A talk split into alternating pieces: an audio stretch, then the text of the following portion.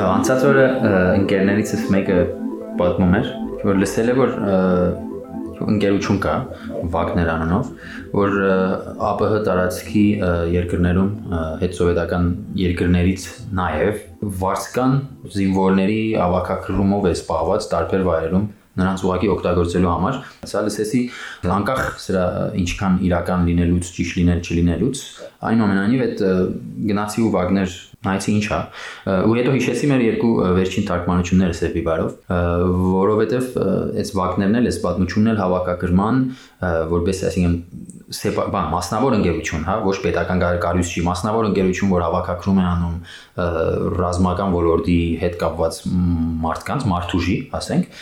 դա միտքում միտքս տարավ մեր վերջին թարգմանած երկու հոդվածներին, որոնք դարձյալ այս կամ այն ձևով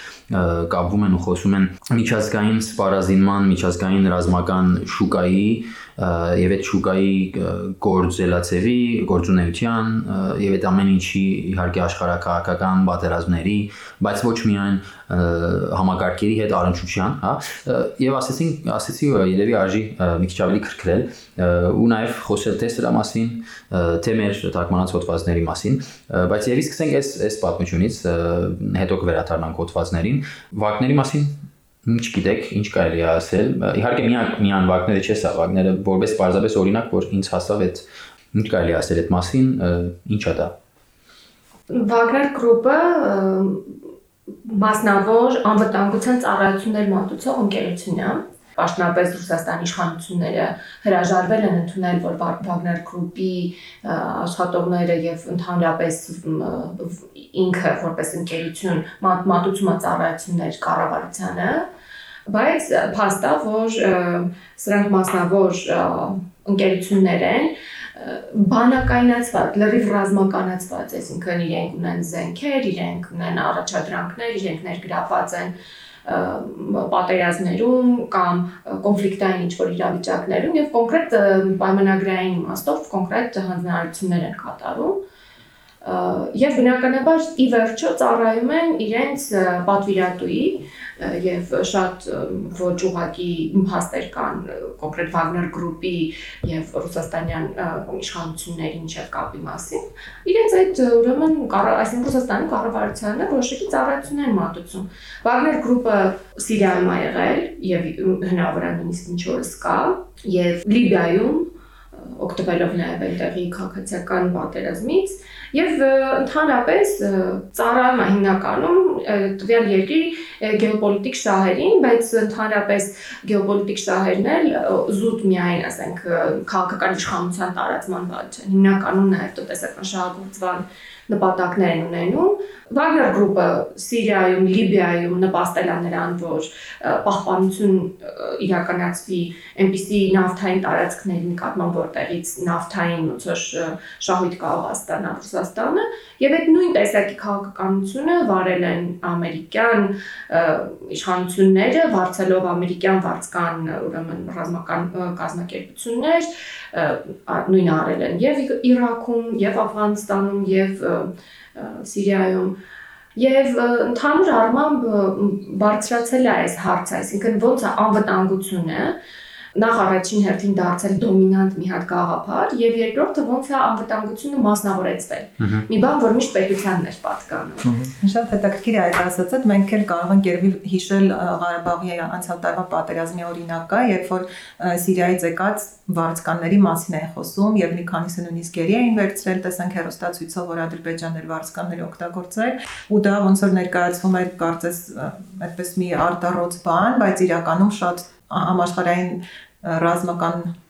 դարձում հիմա շատ տարածված պրակտիկա է ու երևի սա կարող ենք կապել ընդհանրապես պատերազմի մասին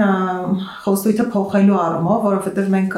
համենայն դեպս Հայաստանի կոնտեքստում պատերազմի մասին խոսելուց աշխարհակահաղական դիրքերից ենք խոսում կամ էթնիկ դիրքերից, բայց դուրս ամնում պատերազմի բիզնեսի մասին խոսակցությունը ու այս հոդվածներից մեկը, որ մենք Սերբի բարում թարգմանել ենք, շատ հետաքրքիր վերլուծություն է տալիս պատերազմի որպես բիզնեսի ու ամբողջ սպառազինությունների արտադրության, վաճառքի ցիկլերը, որոնք որ անխուսափելիորեն վերում են պատերազմների։ Կարող ենք մի քիչ դրանց մասին խոսել։ Այս սպառազինությունների բիզնեսը շատ ուղղակիորեն նաև կապված է պատերազմների մասնավորեցման եւ սպառազինությունների մասնավորեցման, նաեւ ծառայությունների մասնավորեցման հետ, այսինքն հստակ տեսնում ենք, որ նույն նեոլիբերալ տրամաբանությունը, որը աշխատում է մեր հասարակության ներսում, ներքին ինչ-որ քաղաքական որոշումների կամ policy-ների վերաբերյալ նույն ձևն գլոբալ տրենդը արդեն շատ վաղուց որ մասնավոր անվտանգության ընկերությունները պետքա ծառայեն պետություններին այսպես ասած outsource անելու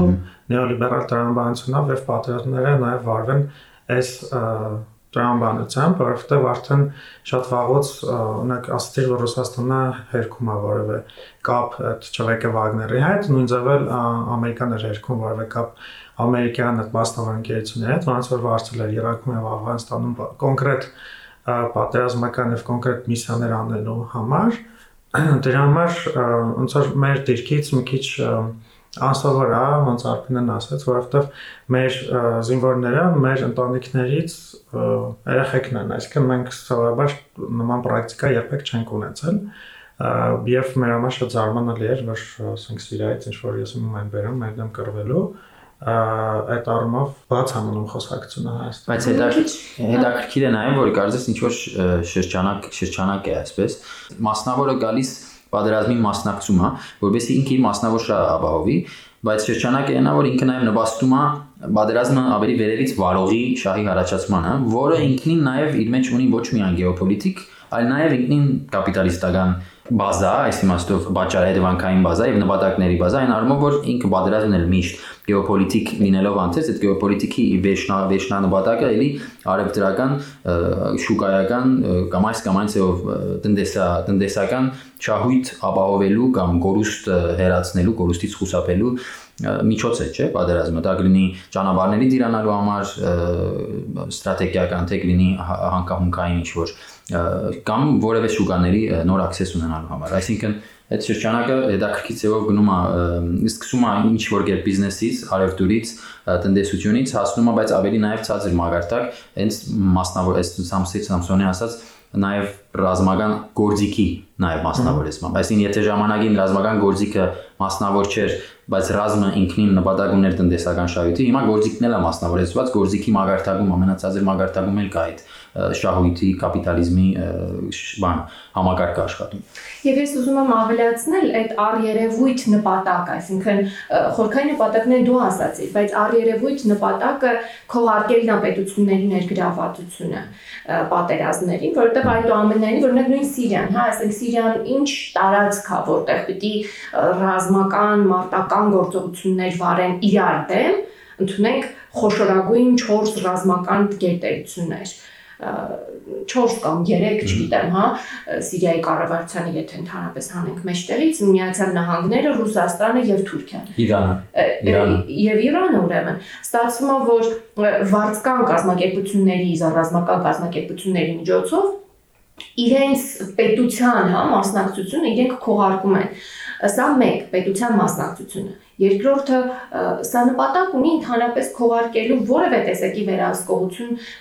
ոլորտի նկատմամբ։ Եթե մենք Հայաստանում անընդհատ ապրել ենք շատ ռազմականացված ձևով, ռազմականացվածը նշանակում է ռազմական ծախսեր, պետական գաղտնիք, անընդհատ մենք իրավունք չունենք իմանալու թե բանակը ինչ է, բանակի հետ կապված ինչ ծախսեր են կատարվում։ Մի խոսքով, այդ ամեն ինչը ռազմականացման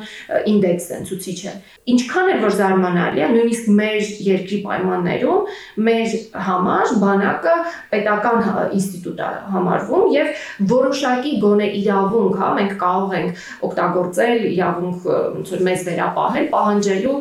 որոշակի հանրային վերահսկողություն տվյալ ոլորտի նկատմամբ։ Իսկ վարձկան ռազմականացումը արդեն դա չի ենթադրում, որովհետեւ պետությունը ասում է, ասենք նույն ամերիկյան կառավարությունը կարող ասի ես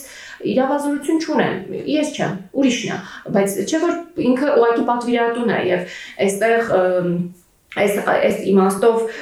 էլի միջազգային հանրային ուրեմն շարժումներ կան հանրային ոնց ասեմ, բողոքներ կան եւ Ֆրանսիայում օրինակ եղել այնց շատ մեծ բան, որ այն կազմակերպություններին, ընկերություններին մասնավոր, որոնք ներգրաված են, ասենք, այլ երկրների ներքին զորքերին, ոստիկաններին եւ այլներին վերապատրաստելու տրեյնինգ անելու մեջ եւ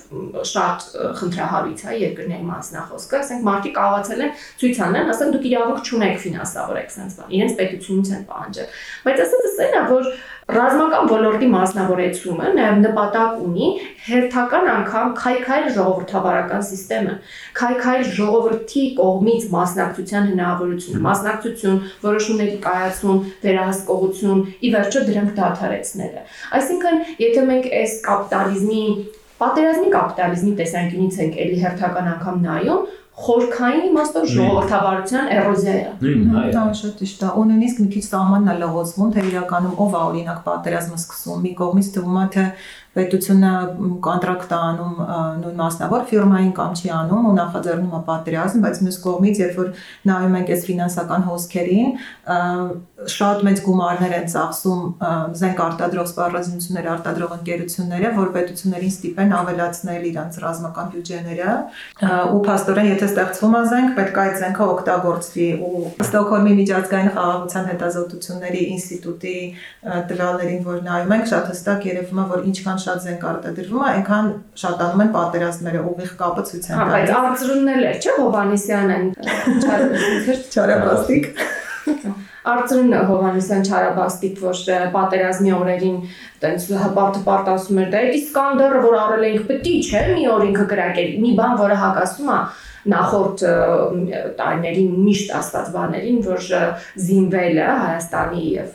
այսինքն բարձր սպառազինության մրցավազքերի մեջ են եղել միշտ Հայաստանը ու Ադրբեջանը, բայց ասենք այդ վախենալու զենքերը միշտ ասում են, չէ, մենք դրա համար ենք առել, որ կանխարգելիչ իբր վախեցնենք ճշնամի պետությանը, բայց հիմա են հպարտ հպարտ ասում են, դե չէ, դե որ առել ենք պիտի օգտագործվեր, չէ, ու այդ է սարսափելի։ Այս շատ հետաքրքիր բիզնես է, որ միշտ ոնց որ տեղ ունի աճելու, որովհետեւ եթե կան հակամարտող երկրներ ու մեկը առնում է զենք, մյուսն էլ է ցանկանում զենք առնել, որ ինչ որ բալանսի գա ու ու դա հենց այնպես չի արվում, այսինքն ինչ որ պահի դա սկսելու է աշխատել, որ այդ զենքը սպառվի, որպեսզի նոր զենքեր սկսեն գնել, կարամ մի քանի թվեր էլ բերեմ կամ ուզում ես Չէ, ուզում ես, քանի որ հասանք նրան կարծես հասանք երկրորդ հոդվածին, որ թարգմանել ենք, որ սպառազինության մրցավազքի մասին հիմա նշեցիր, Հա, հենց քո ճիշտ քո ասածի նման դեղա գալիս երբ հակամարտություն կա, արդեն գոյություն ունի, եւ հակամարտության մի կողմը զինվում է մեծ վասկով, մյուս կողմն էլ ստիպված մի տեղ ասնում, որ ուզի չուզի ինքն էլ է զինվում, բայց այստեղ հոդվածը ինչ է հետաքրքիր բացահայտում, որ հաճախ այդ երկուսին զինողն են նույն կողմն են։ Հայաստանի Ադրբեջանի դեպքում օրինակ կոնկրետ, բայց ուրիշ ուրիշ կոնֆլիկտային կոնտեքստներում էլ կարող լինի, որ ասի կոնկրետ այս տեքստը մեր հոտ թարգմանացույց է տալիս, որ Հայաստանի 90 քանի տոկոսը սպառազինման Ռուսաստանից է մատակարարվում, մատակարարվել անցնող դարերներին, իսկ Ադրբեջանի դեպքում սխալ թիվ չասեմ, բայց դարձյալ մեծամ 60% մեծամասնություն, այսինքն այստեղ թե թե վերջում ով կդուժի, բարձ է երկու երկու երկու երկրների ժողովուրդները մի կողմը բարդվող կողմը ավելի այս կամ այն առումով, բայց հաստատ մատակարարող կողմը չի դուժելու։ Մատակարարող կողմը մեկին տալով իմանալով որ կոնֆլիկտի մեջ են, մեկին շատ տալով մյուսին ստիպում այլընտրանք չի թողնում, այլընտրանք չի թողնում կան առնել, չէ, թեգուզ ցածր գնով, թեգուզ զեղչված գնով։ Ու սնուցում է այս բիզնեսը ինքը իր կողմից։ Մի քանի թվեր, որ կարող են հետաքրքիր լինել, ուրեմն ամբողջ աշխարհի ռազմական բյուջեները 1.9 տրիլիոն դոլար են կազմում, սա 19 թվականի տվյալներն են, եթե չեմ սխալվում, ու հետաքրքիր է, որ բոլոր ռազմական ծախսերի 75%-ը ընկնում է ընդհանրապես 10 երկրի վրա, գուշակեք որոնք են։ Ամերիկա, Ռուսաստան, Ռուսաստանը իդեպ ահագին հետ Ամերիկան առաջինը, հետո Չինաստանը, հետո Հնդկաստանը, հետո Ռուսաստան, Սաուդյան Արաբիա, Ֆրանսիա, Գերմանիա, Մեծ Բրիտանիա, Ճապոնիա ու Հարավային Կորեա ու այս երկրները գրեթե կրկնվում են համել սպառազինությունների արտադրության ու արտահանման ոլորտներում, բայց արտադրության մեջ Ամերիկան 57%-ն է աշխարհի բոլոր արտադրողների, Ռուսաստանը 9.5%-ը եւ Արևմտյան Եվրոպան էլ շատ մեծ թիվ 22%-ը բոլոր երկրների իրար հետ։ ու նաև Ճապոնիան, Իսրայելը, Հնդկաստանը, Կորեան էլի էս ցուցակում են առաջի տասնյակի։ Եկել զուտ ընկերությունների անունով, ասենք ինձ հետաքրքիր որ Boeing-ը, որ մենք գիտենք որպես ես կամ մենք գիտենք որպես մարդատրոթանավների բան, իրանք հիմնական զենք արտադրող ընկերություններից են։ Նաև այս ընկերությունները նաև վերաբերում է ոչ երկրներին, օրինակ Շվեյցարիան, որ ասում է, որ ինքը ունի նեյտրալիտետ, Շվեյցարիայում կան շատ հստակ գործարաններ, որոնք որ արտադրում են շատ հստակ մանր մասեր, որոնք որ օգտագործում են շատ հստակ զենքերի մեջ։ Օրինակ բանում բայրակտարում թուրքական օգտագործում են շվեյցարական արտադրման զենքեր, ու շվեյցարիան ոչ մի չի պատրաստում սրա հանդեպ անել, ընդհանրապես իրանց մեկա տարբեր երկրներում կան օրենքներ ու միջազգային համաձայնագրեր կան, որոնք որ արգելում են արտահանել սպառազինությունները այն երկրները, որոնք կոնֆլիկտի մեջ են, ընդ որում չէ այդ պահին պատերազմի մեջ լինեն, կարող է սառը կոնֆլիկտ լինի, բայց սրանով հանդերձ մոտ 1/4-ը, եթե ոչ ավել, ամբողջ պարազնությունների արտահանվում է հենց կոնֆլիկտի մեջ եղած երկրներ, օրինակ Թուրքիան, Իսրայելը, Եգիպտոսը, Իրաքը, Աֆղանստանը առաջի տեղերում են, ու նաև ահագին մասն էլ էլի մոտավորապես 1/4-ը գնում է երկրներ, որտեղ լարված քաղաքական իրավիճակ է, այսինքն այդ զենքերը գնում են ավտորիտար իշխանություններին, որպեսզի իրանք ճնշեն իրանց դեմ պայքարողներին։ Նաև միջազգային պատկերը մեր համար տխուր է նաև այն տեսանկյունից, որ մենք հստակ տեղեկություն եւ հստակ տվյալներ չունենք սպառազինությունների մատակարարման սպառման վերաբերյալ, բայց կա Ստոկհոլմի միջազգային խաղաղության հետազոտությունների ինստիտուտ, որը որ ինչքան էլ հնարավոր է այդ տվյալները հավաքել է եւ ներկայացրել է իր հոդվածում, որը ինչալից մենք թարգմանել ենք եւ թարգմանաբար հայերենով ներկայացրել ենք մեր մեդիում հարթակում ու շատ հետաքրքիր է տեսնել այս կոնտեքստում եւ Հայաստան եւ Ադրբեջան որքան զենքա եկել, գալիս, որքան ասպարազինությունների տոկոսը, մի քանի թվեր ասեմ, երևի ուրեմն Ստոկհոլմի միջազգային խաղաղության հետազոտությունների ինստիտուտի վերլուծության 2020-ին Հայաստանը ծախսել է 634 միլիոն դոլար իսկ Ադրբեջանը 2 միլիարդ 238 միլիոն դոլար եւ նաեւ այս ինստիտուտը վերլուծել է ժամանակ 2011-ից 2020 թվականը ռազմական ներկրումների ծավալը եւ ըստ դրա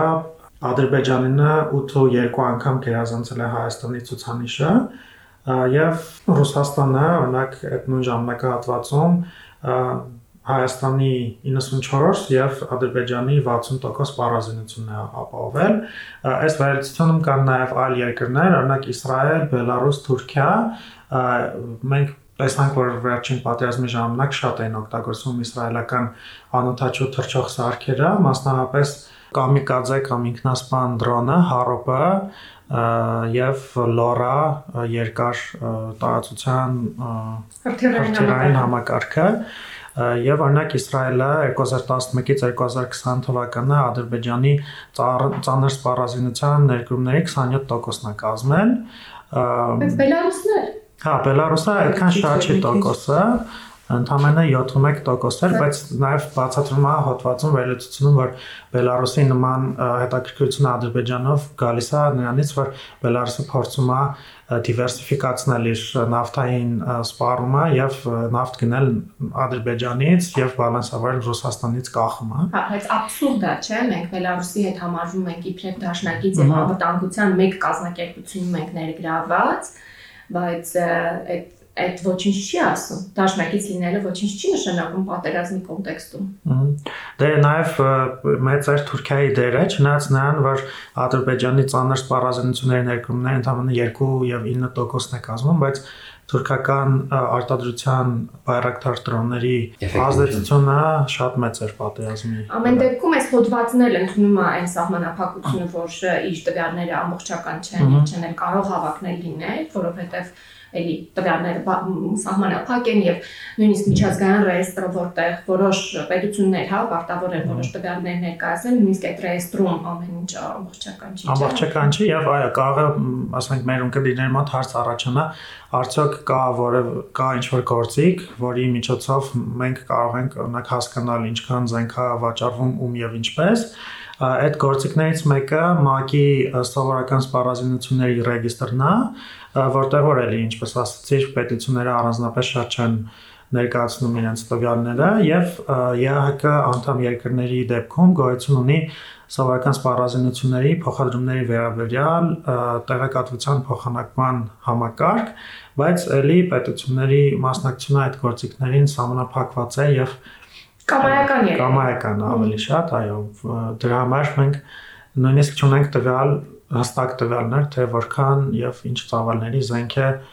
տեղափոխվում, վաճառվում, սպառվում եւ օգտագործվում չասելու Կուզեի մի հատ կուզեի մի հատ բանկերին հիշատակենք, որովհետև հիմնական զենք արտադրող ընկերությունները կարողանում են մոտավորապես 500 բանկերից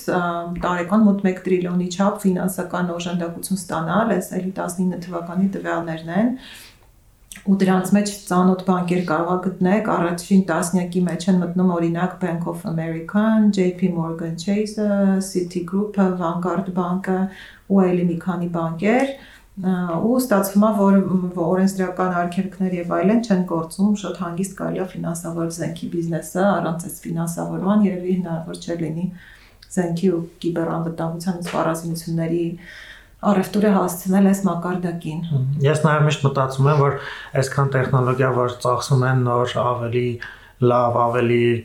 գեր, ես եմ ինձ զենքեր արտադրելու համար, եթե ուղղեն այսքան տեխնոլոգիաները մարդկային կյանքերը կյանքը ավելի կայուն եւ ավելի, չգիտեմ, մի ընդհանրապես մի տոկոսով այդքան զենքի սպառազինման կարելի է պատվաստել մի ամբողջ Աֆրիկայի կոնտինենտ օրինակ կամ բուժել քաղցկեղը, որից որ շատ-շատ մարդ է մահանում կամ այսպես մարդկային իսկապես մարդկային գլոբալ խնդիրների լուծումները տալ, բայց Հա, մի հատ տենց հաշվարկ կար, որ Ամերիկայի մի օրվա ռազմական ծախսերի գումարով կարելի է տարական կրթություն ապահովել աշխարհի բոլոր երեխաներին, ովքեր չեն օգտվում կրթությունից։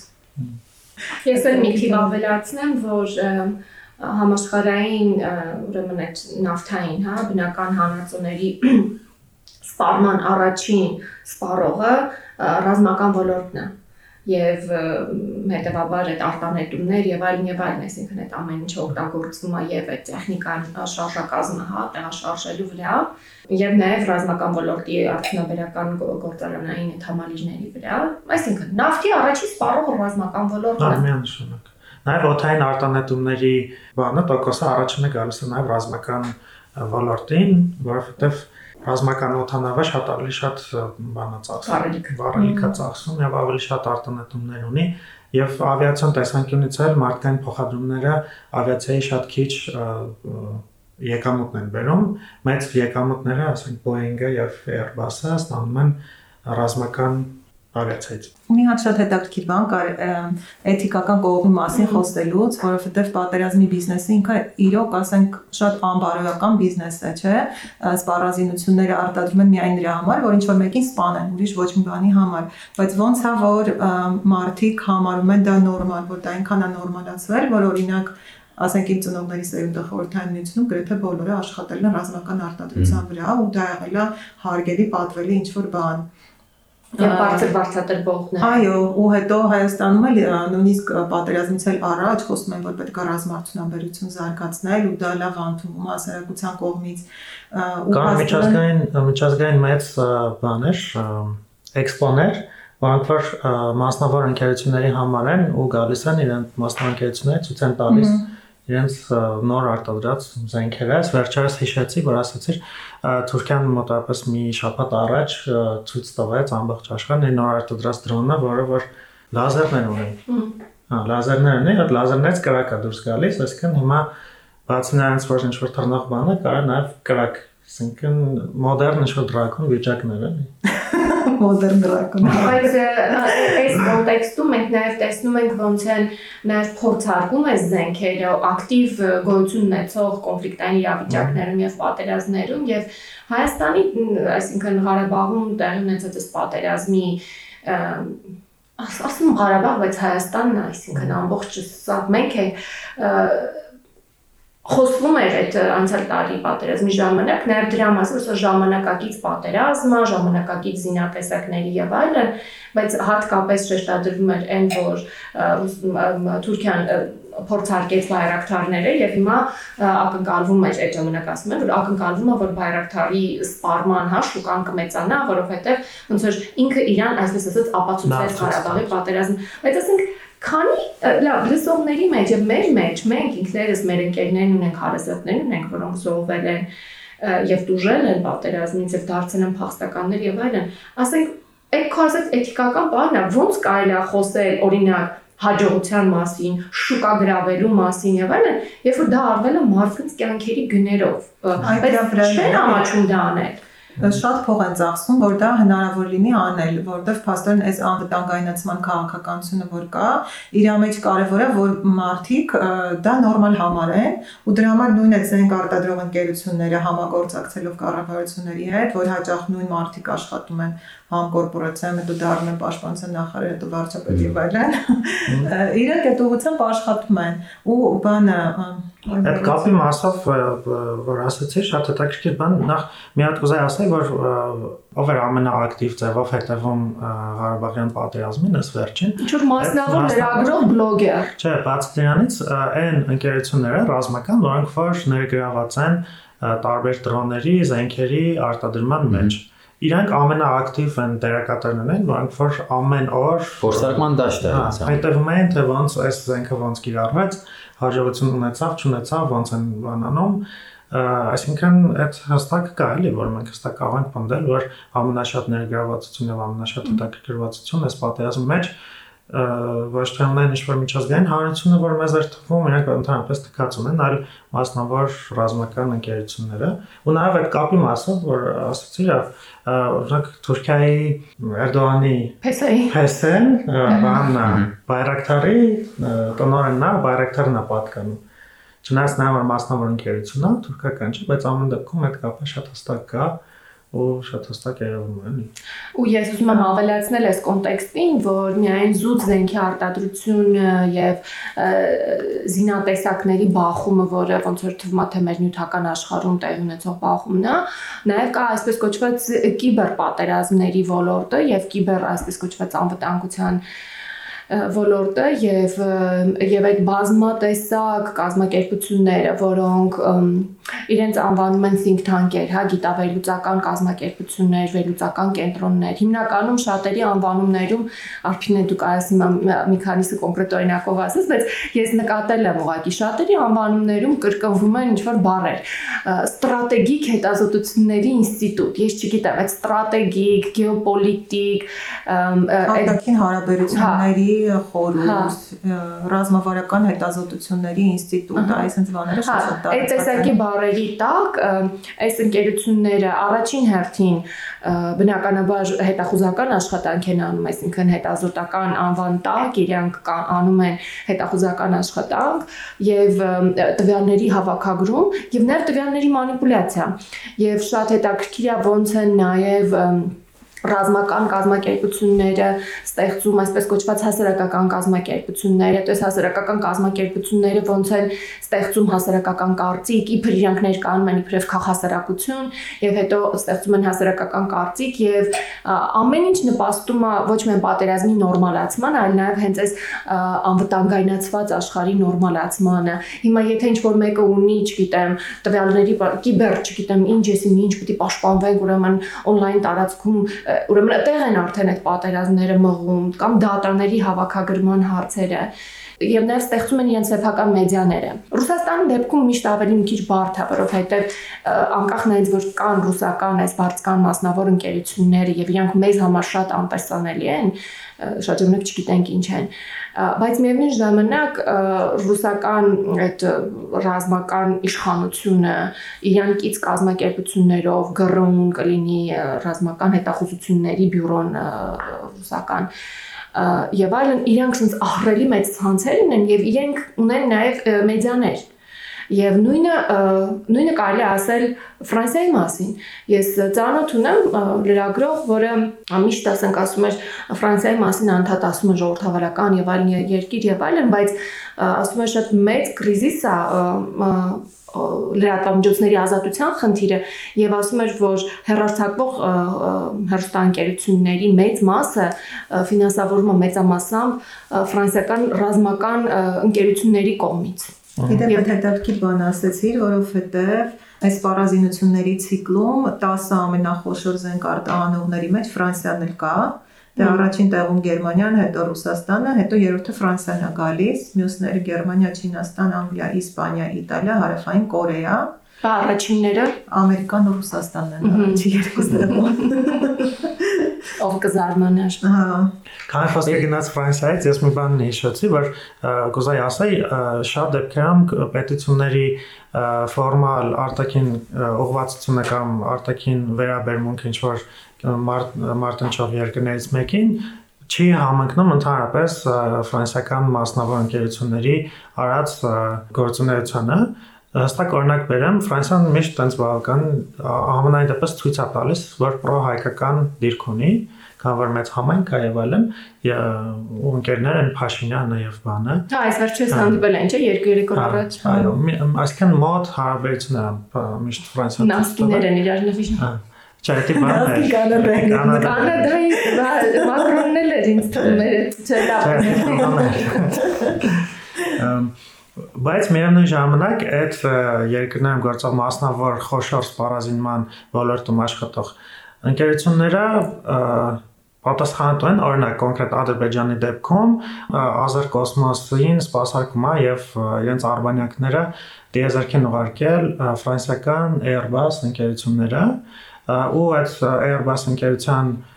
կարծեմ 30% մասնաբաժինը պատկանում է Ֆրանսիային որպես պետություն։ Այսինքն, այստեղ պետությունը նաև մասնավոր ընկերությունների գործունեության միջոցով կարողանում է թաքցնել եւ ասել մի բան, բայց անել մեկ ուրիշ բան ընդհանրապես։ Աննայի ասածից մեկ էլ մի բան էլ հիշեցի, որ պատերազմի այս ռազմականացված լեզուն ինչքան է տարածվում ընդհանրապես բոլոր ոլորտները ու օրինակ վերջի այս կ ូវ իդի պանդեմիայի ժամանակ էլ տեսնում ենք եւ լեզվի առումով եւ արձագանքի առումով ոնց են ներգրավում զինված ուժերը երբ որ պետքա ներգրավեն օրինակ լրիվ ուրիշ ոլորտներ, նույնն է էկոլոգիական ճգնաժամերի ժամանակ կամ ուրիշ իրավիճակներում ու փաստորեն դրանք իրականում այդ արդյունավետ չեն, ոչ միայն абսուրդ է, որ զինված ուժերով օրինակ մեն մարդկանց տիպեն տնից դուրս չգալ, այլև անարդյունավետ են։ Նույնիսկ հետաքրքիր համեմատությունը հանդիպեցի, որ համեմատությունը որն է հետաքրքիր նկարագիր էր, որ ահաբեկչությունը որպես հիմնական բան է, չէ, աշխարհի հիմնական անվտանգային սպառնալիքա ձևակերպվել ու ահաբեկչության արձագանքը պատերազմներն է, չէ՞, ոնց որ Ամերիկան գնաց Իրաք, այնտեղ ահաբեկչությունը սաստելու համար այդ Ալ-Քայդայի ամբողջ պատմությունը, բայց նույնիսկ այդ կարգի բաները ռազմական արձագանքով չլուծվեցին։ Հիմա եղավ ISIS կամ Daesh-ը, որը ավելի վատ իրավիճակ է ստեղծել ամենտեղ, այսինքն տապալում են ռազմականացված արձագանքերը բոլոր ոլորտներում, բայց բիզնեսը այնքան հաջող է, որ ինքը ամենտեղ կարողանում է ծախել։ Եվ տապալումը ինքնին նոր արիթ է ստեղծում բիզնեսի համար, ելի շարունակելու։ Հիմա հա, ուրեմն այսպես ասած ահաբեկչական ռիսկի պատճառով Ամերիկան ներխուժեց իհարկե ռազմական լոբիի մեծ բանով, միջամտությամբ, միջին արևելք, չէ, հասարակությունը քաղաքական դաշտ ամեն ինչը կանտեց խառնեց իրար ծնվեցին նրանից նոր անվտանգային ռիսկեր հիմա պետքա թե ամերիկայում թե ներքին բանում securitization-ը բարձրացնել քանի որ կա ISIS եւ այլն եւ այլն այսինքն սա նույն շրջանակն է որ բդդվում բդդվում է այս թեման շատ մեծ է, անսպառ է նաև բավականին թեր ու հենց մեր մեջ էլ այս թեմայի շուրջ բանավեճ ծնվեց եւ այդ բանավեճը մենք տեղադրում ենք մյուս մեր ոդքասթի էպիզոդում խորհուրդ ենք տալիս լսել, որտեղ ոչ միայն մեր համար էր հետաքրքիր այդ զրույցը, այլ կարծում ենք նաև դուք էլ հետաքրքրությամբ կլսեք։ Շնորհակալություն։